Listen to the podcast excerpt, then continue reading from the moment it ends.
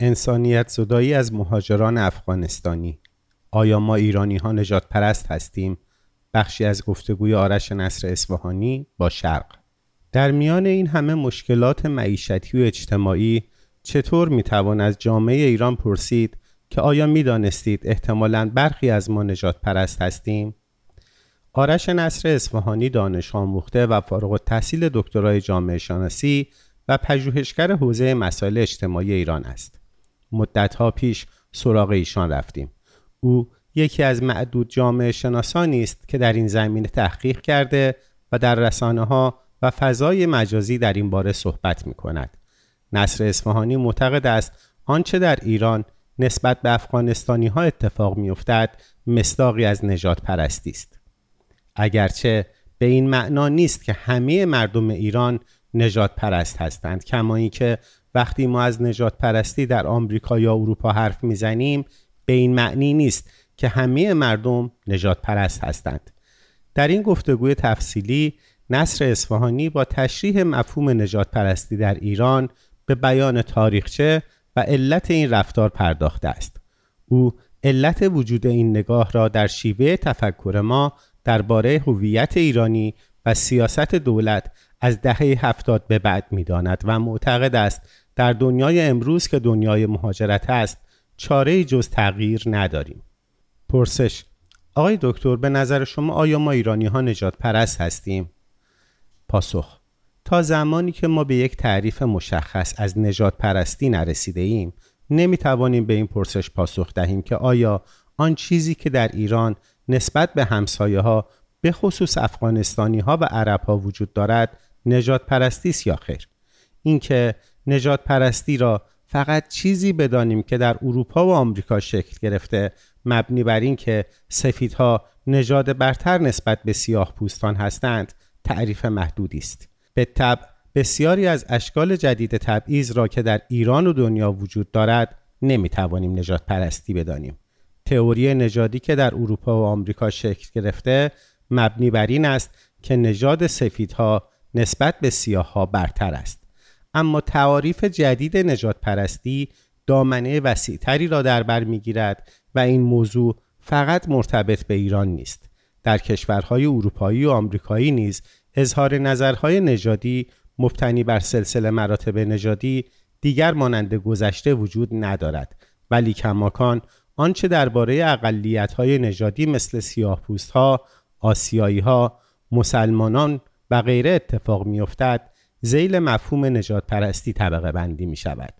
البته با آنچه دیویس سال پیش درباره برده های سیاپوست اتفاق می افتاد فرق دارد.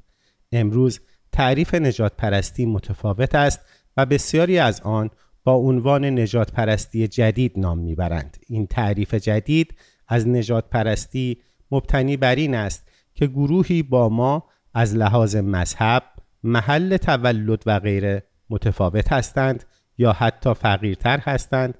ما این گروه از افراد را یک گروه غیر خودی تصور می کنیم که یک فاصله پر نشدنی بین ما و این گروه وجود دارد و هرگز نمی توانند بخشی از ما باشند.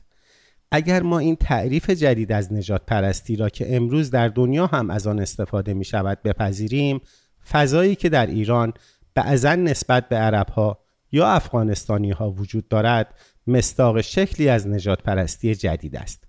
در خصوص افغانستانی هایی که در ایران زندگی می کنند شاهد تبعیض ساختاری هستیم که از بالا اعمال می شود برای همین افغانستانی ها هیچ وقت امکان ادغام در جامعه ایران را ندارند. از پایین هم در روابط اجتماعی همیشه بر این فاصله میان یک افغانستانی و یک ایرانی تأکید می شود و یک افغانستانی هیچ وقت نمی‌تواند یک ایرانی باشد. این نگاه وجود دارد که فرد به واسطه افغانستانی بودنش یک سری ویژگی هایی دارد مثلا بدویتر و خشنتر است سطح فرهنگ پایین تری دارد یا برای جامعه ایران خطر محسوب شده و هیچ وقت نمی‌تواند بخشی از ما باشد. به علاوه اشکال مختلفی از خشونت در جامعه ایران از پایین نسبت به افغانستانی ها اعمال می شود و مدام بر این تأکید می شود که بین ما یک فاصله پر نشدنی وجود دارد. انگار سلسله مراتبی وجود دارد و آنها در بخش فرودستری قرار می گیرند. به نظرم اگر این تعاریف را بپذیریم آنچه در میان افرادی از ایران نسبت به افغانستانی ها اتفاق می افتد مصداقی از نجات پرستی است.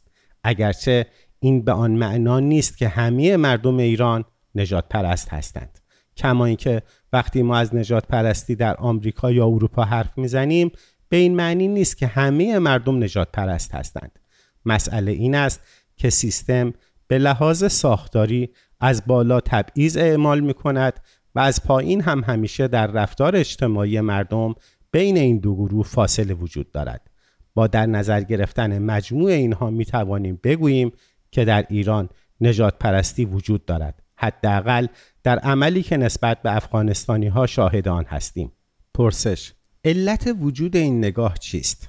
پاسخ وجود این نگاه به بیگانه به این برمیگردد که ما ایرانی بودن را چگونه تعریف می کنیم برخی هویت ایرانی را بر اساس تباری مبتنی بر اسطوره‌ای مثل نژاد آریایی تعریف و سعی می کنند بر اساس آن تعریف کنند که چه کسی ایرانی است که این نگاه توسط بخشی از جامعه ایران مطرح می شود. همین نگاه نسبت به بیگانگان منجر به ایجاد پدیده‌ای تحت عنوان بیجاسازی شده است. بر اساس این نگاه ما در خاورمیانه تک افتاده ایم و مکان اصلی ما اینجا نیست. بر اساس استوره نژاد آریایی ایرانی ها و هندی ها سرمنشأ تمدن سفید هستند که مهاجرت کردند و اروپا را ساختند.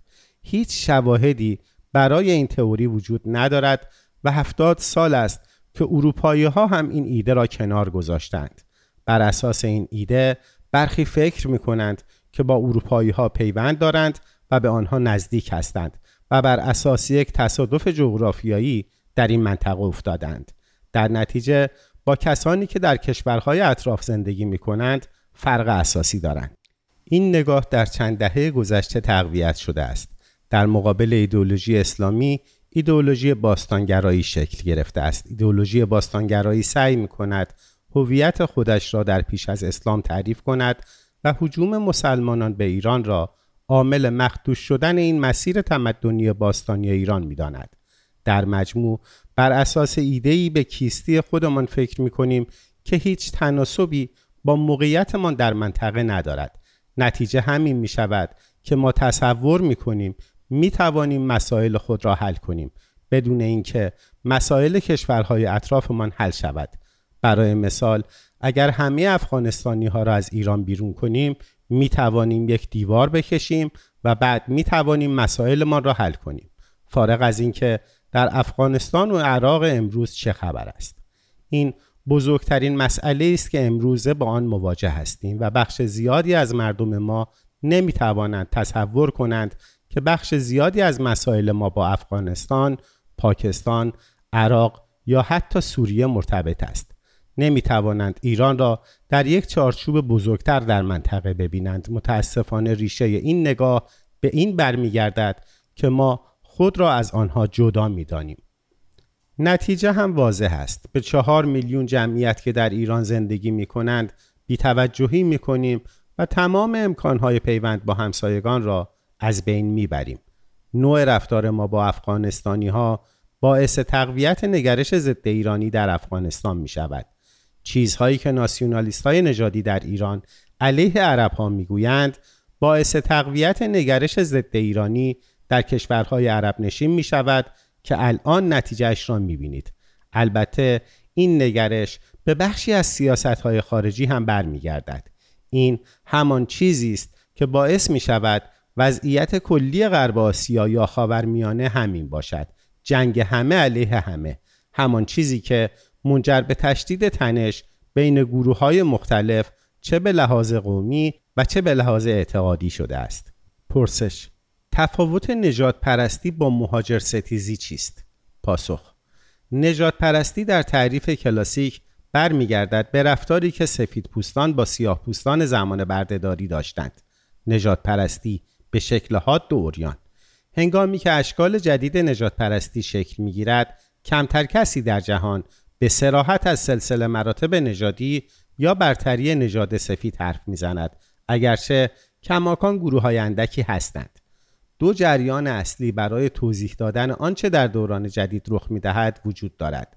یک جریان معتقد است آن چیزی که برای آسیایی ها و مسلمانان در غرب رخ می دهد کماکان نجات پرستی است اما با شکل و صورتبندی جدیدی که بیشتر اوقات پنهان است. گروهی دیگر از یک ادبیات متفاوت استفاده می کنند مثلا می گویند آنچه امروز اتفاق می افتد عدم تحمل مذهبی یا نگرش مهاجر ستیز است. دیگر نمی‌خواهند از اسم نجات پرستی استفاده کنند. اتفاقا کسانی که سعی می کنند از این عبارت های جایگزین بیشتر استفاده کنند به لحاظ سیاسی به جریان های نجات پرست نزدیکتر هستند. این نوعی پنهانکاری است. احزاب راست افراطی در اروپا هیچ وقت نمی‌گویند ما نجات پرست هستیم. می‌گویند هنگامی که مهاجری وارد کشور می شود از فرهنگ دیگری برخوردار است و این طبیعی است که ما فقط به قوم و فرهنگ خودمان علاقه داریم. پس نگاه ضد مهاجر یک خصلت طبیعی بشر است و نمی‌توان اسمش را نجات پرستی گذاشت. در اکثر مواقع استفاده از این اصطلاحات جایگزین برای کلمه نجات پرستی بیشتر برای تخفیف دادن صورتبندی نظری اتفاق در حال جریان است و تفاوت چندانی با نجات پرستی ندارد. در واقع سعی دارند با مفاهیم دیگری آن را توضیح دهند و جایگزین کنند. بگذارید با یک مثال برای شما توضیح دهم. خانم ندا مقبول کتابی با عنوان کرانه های سفید بودن دارد.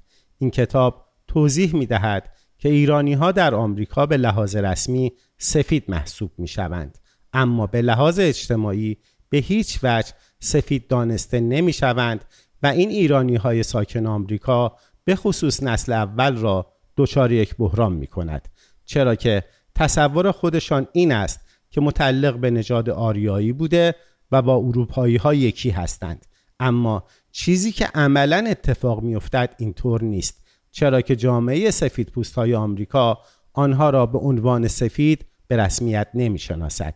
این کتاب توضیح می دهد که در آمریکا کشورهای خاورمیانه‌ای و شمال آفریقایی زیل یک نژاد قهوه‌ای طبقه بندی می شوند هرچند نسل دوم موقعیت خود را پذیرفتند و می‌دانند که سفید محسوب نمی شوند و جامعه هم آنها را سفید نمی‌داند اما نسل اول کماکان حاضر نیست بپذیرد که در آمریکا قربانی نجات پرستی است و سعی می کند آن را به عنوان عدم مدارای مذهبی یا نگاه ضد مهاجر تفسیر کند. این مثال را برای این زدم که بتوانم آنچه را که در ایران رخ می دهد توضیح دهم و به این پرسش پاسخ دهم که چرا ما از کلمه نجات پرستی استفاده نمی کنیم همانطور که نسل اول ایرانی ها در آمریکا با وجود شواهد حاضر نیست بپذیرد که خودش قربانی نجات پرستی است همین در داخل ایران هم وجود دارد. جامعه حاضر نیست اتفاقی را که درباره افغانستانی ها می افتد به عنوان نجات پرستی بپذیرد. چون ما فکر می کنیم همیشه در تاریخ ملتی بودیم که به هیچ عنوان ستمی نکردیم و همه اینها اتفاقاتی است که در غرب رخ داده به جایش از اصطلاحات دیگری استفاده می کنیم که همه چیز را ملایم و طبیعی جلوه می دهد. برای مثال این طبیعی است که من به کسانی علاقه دارم که هم قوم من هستند و به کسانی که از یک قوم دیگر هستند علاقه ندارم و آن را یک ویژگی ذاتی بشری می دانیم و با این تعاریف احتمالا فقط بار گناه را کم می کنیم. پرسش آیا تفکر نجات پرستی خطرناک بوده و به باز تولید خشونت در جامعه منتهی می شود؟ پاسخ یکی از کارکردهای ایدولوژی نجات پرستی توجیه کردن هر شکلی از خشونت است. قربانی این ایدولوژی از جانب جامعه محلی یا مردم بومی مستحق هر شکلی از خشونت است به ویژه وقتی دولت هم حمایت نمی کند. شما در حالت عادی به سادگی نمی توانید نسبت به کسی خشونتی اعمال کنید. چرا؟ یک فکر می کنید که دولت شما را مجازات می کند دو اینکه اخلاقا اعمال این خشونت صحیح نیست. هنگامی که افغانستانی ها قربانی جرم می شوند چندان نمی توانند به پلیس یا قوه قضایی اتکا کنند. چرا که حمایت چندانی از سمت دولت انجام نمی شود البته این به معنا نیست که هیچ وقت این شکایت ها به سرانجام نرسیده است. از یک سو دولت از شما هیچ حمایتی نمی کند و از سوی دیگر مردم فکر می کنند شما به عنوان یک افغانستانی در ایران استحقاق استفاده از امکانات را ندارید. به دلیل متفاوت بودن خونی که در بدن شما جاری است شما آدم های خشنتری هستید. در نتیجه طبیعی است که ما اصلا شما را مجازات کنیم و این خشونتی که به شما روا داشته می شود به عنوان یک افغانستانی غیر اخلاقی نیست. بخش زیادی از ایدئولوژی نجات پرستی عملا از افغانستانی ها انسانیت زدایی می کند انگار ما ایرانی ها بسیاری از ویژگی های یک انسان کامل با همه حقوقی را که دارد برای آنها قائل نیستیم. آنها را در یک مرتبه فروتر از یک انسان قرار می دهیم در نتیجه آنچه نسبت به آنها روا داشته می شود حقشان است. برای مثال در یک مدرسه پدر و مادر دانش آموزان ایرانی به مدیر مدرسه فشار می آورند که کلاس بچه های ایرانی و افغانستانی از هم جدا شود. در حالت عادی یک مادر طبعا باید بتواند فکر کند که این اصرارش چه اثری می‌تواند روی کودک افغانستانی داشته باشد چون شما به وجه اخلاقی آن هم فکر می کنید اما چه اتفاقی میافتد که این خانواده ها به این موضوع فکر نمی کنند که چرا یک کودک افغانستانی تحت چنین تبعیضی قرار بگیرد که حق نداشته باشد در کنار دانش آموز ایرانی بنشیند و درس بخواند و حتما باید جدا باشد. همه اینها به انسانیت زدایی برمیگردد. انگار کودک افغانستانی با کودک ایرانی فرق دارد و آن عواطفی که ما انتظار داریم در یک انسان وجود داشته باشد در او وجود ندارد. در نتیجه چنین خشونتی را بسیار راحت می توانیم اعمال کنیم. به همین خاطر خطر اصلی نجات پرستی این است که ما یک تبعیض و ستم بر گروهی روا می داریم که فکر می کنیم حقشان است یا اینکه طبیعی است که این اتفاقها برایشان رخ دهد. وقتی درباره مسائل افغانستانی ها حرف می‌زنیم عموما از نظر خیلی از مردم شرایط زندگی افغانستانی ها در ایران یک شرایط عادی است و مشغول زندگی خودشان هستند. تبعیض و خشونتی را که نسبت به افغانستانی ها اعمال کردیم عادی سازی کرده ایم. از آنجایی که عادی جلوه می کند و آنها استحقاقشان بیش از این نیست در نتیجه اعتراضی هم به این قضیه در جامعه ایران وجود ندارد. پرسش چرا این نگاه در طبقه فرودست بیشتر به چشم می آید؟ پاسخ نجات پرستی به تحریر طبقاتی نیاز دارد. در همه جای دنیا نجات پرستی یا نگرش ضد مهاجر هرچه که اسمش را می‌گذاریم در گروه های فرودست شدت بیشتری دارد. زیرا اکثریت آنها فکر می کنند حضور مهاجران خارجی باعث از دست رفتن فرصتهای شغلی برای آنان شده است و مستقیما تحت تأثیر قرار می گیرند. شما ممکن است استدلال کنید که در نهایت حضور مهاجران در کشورها به نفع اقتصاد است. برای مثال مهاجران افغانستانی دستمزد پایینتری می‌گیرند از طرف دیگر مزایای کمتری دارند برای مثال بیمه نمی‌گیرند. یعنی هزینه مستقیم و غیر مستقیمشان برای کارفرما کمتر است. طبیعی است که حضورشان به نفع اقتصاد است. این استدلال ممکن است برای طبقه بالا یا متوسط جواب دهد. ولی درباره طبقه پایین موفق نیست. زیرا آنها بلافاصله موقعیت خود را می‌بینند. اینکه بیکار هستند و سطح اجاره ها بالاتر رفته است و مستقیما مهاجران را مقصر می‌بینند. آنها هستند که فرصتهای شغلی آنها را گرفتند و حضور پرتعدادشان باعث افزایش قیمت اجاره شده است در نتیجه طبیعی است که نگرش ضد مهاجر خارجی همیشه در گروه های فرودست بیشتر دیده می شود. بر اساس پیمایشی که در تهران انجام شد نگرش ضد حضور مهاجران در ساکنان زیر خیابان انقلاب خیلی بیشتر از بالای خیابان است در پایین خیابان انقلاب از هر پنج نفر تقریبا سه نفر ضد افغانستانی ها هستند. البته در کل تهران در آیتم های مختلف چهل درصد موافق و چهل درصد مخالف هستند. علت هم رقابت بر سر منابع محدود و وجود این تصور است که حضور افغانستانی ها باعث بیکاری ما شده است. در نتیجه قانع کردن این بخش در این زمینه که وجود مهاجر خارجی به نفع شماست خیلی دشوار است. چرا که شرایط کل اقتصاد را نمی بینند و فقط موقعیت خود را می بینند متاسفانه به آن دامن هم زده می شود همه ما می دانیم که اگر در ایران فقر، بیکاری، نابرابری و غیره وجود دارد مقصرش افغانستانی های شاغل بازار و غیره نیستند. مقصر سیاست های دولت است. آنچه که در یک روند چندین ساله ما را در چنین شرایطی از توسعه قرار داده و نتیجهش شرایط اقتصادی امروز است در اینجا این نگاه با منافع سیستم همراستا می شود که فکر می کنند یک مقصر خوب وجود دارد و می توان همه چیز را گردن آنها انداخت و به نوعی سلب مسئولیت از خود است پرسش ریشه تاریخی این نگاه چیست؟ پاسخ اواخر دوره قاجار افرادی مثل فتلی آخونزاده و آقاخان کرمانی از این حرف زدند که ما قبل از اسلام گذشته شکوهمندی داشتیم. بعد با حمله عرب ها به ایران این سیر نزولی تمدن شروع شده است.